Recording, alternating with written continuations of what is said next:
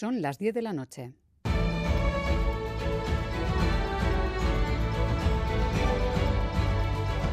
Radio Euskadi y Radio Vitoria. Servicios informativos.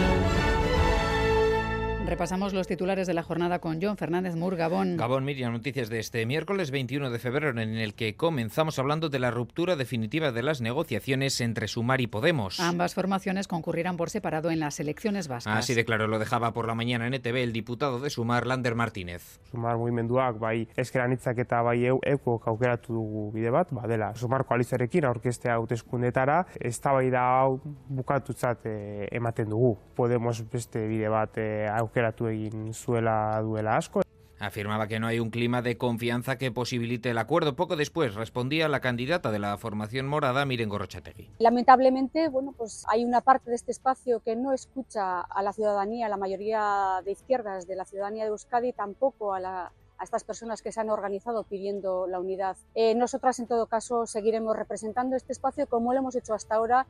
Y es que Aranitza, una de las formaciones que sí irá a consumar, ha lamentado lo que denominan un juego de relatos. Íñigo Martínez. Lamentamos el juego de relatos mediáticos en el que no hemos participado y desde Esquerra Nietzsche Izquierda Unida siempre hemos puesto por delante el trabajo silencioso, respetuoso y un programa electoral de cambio construido por nuestra militancia y construido también con numerosas organizaciones de la sociedad civil. Entre tanto, Euskal Herria Bildu pide al PSE que aclare si va a reeditar su alianza con el PNV tras los comicios. Lo decía su portavoz en el Parlamento Vasco, Nerea Cortajarena, aquí en Boulevard. También ha dicho que no va a, hacer eh, no va a apoyar un proyecto independentista, pero Imanol Pradales se ha presentado como, como independentista. Cuando está, lo que tiene que clarificar ambos es si, vista un poquito la, la, reunión que hicieron el pasado lunes, si la intención es reeditar el pacto. ¿no? También es un ejercicio de honestidad que en campaña hay que, hay que hacer. Tiene que clarificar si se presenta para Lendakari o, como parece, se presenta como subcandidato Pedro Sánchez se reafirma en que la legislatura va a ser larga y en que la ley de amnistía va a salir adelante. Lo ha hecho hoy ante un Alberto Núñez Feijóo crecido tras la mayoría absoluta del PP en Galicia. Quizás si me hubiese insultado menos hubiese sacado un mejor resultado. ¿Va a dar explicaciones sobre su responsabilidad en los resultados? ¿Fue usted el que dijo que esto era un plebiscito imparable, la caída de Feijó? Pues aquí me tiene, de pie. He escuchado hoy al señor Feijó decir que está en pie. Bien, está en pie, y en la oposición, y yo estoy en pie, y en el gobierno. Y así seguiremos otros cuatro años más el asesor del exministro José Luis Ábalos, Coldo García, ha sido detenido junto a una veintena de personas más. Está entre los implicados en una presunta trama de comisiones ilegales en la compra de mascarillas durante la pandemia. Y en la etapa de Ábalos como ministro de Transportes fue su asesor y también lo nombró consejero de Renfe Cercanías. El exministro Ábalos se mostraba sorprendido y decepcionado.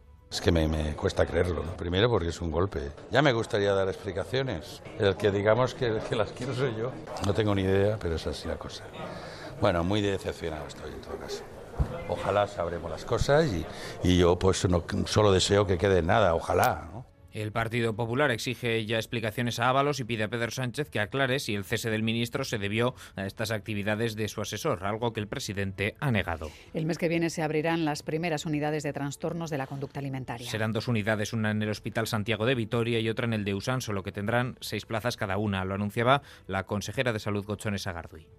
En breve, el próximo mes de marzo, entrarán en servicio dos unidades hospitalarias de trastorno de la conducta alimentaria, una en la OSI Araba y una en la OSI Barrualde, con más de medio millón de euros de inversión.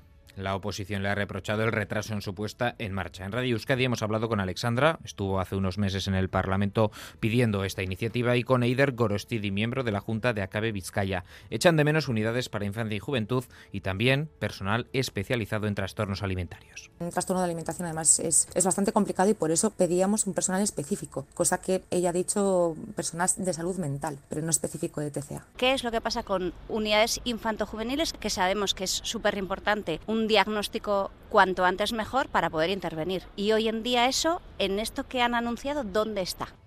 Es todo, más noticias en una hora y en todo momento en itv.eus y en la aplicación ITV Albisteac. Geruarte.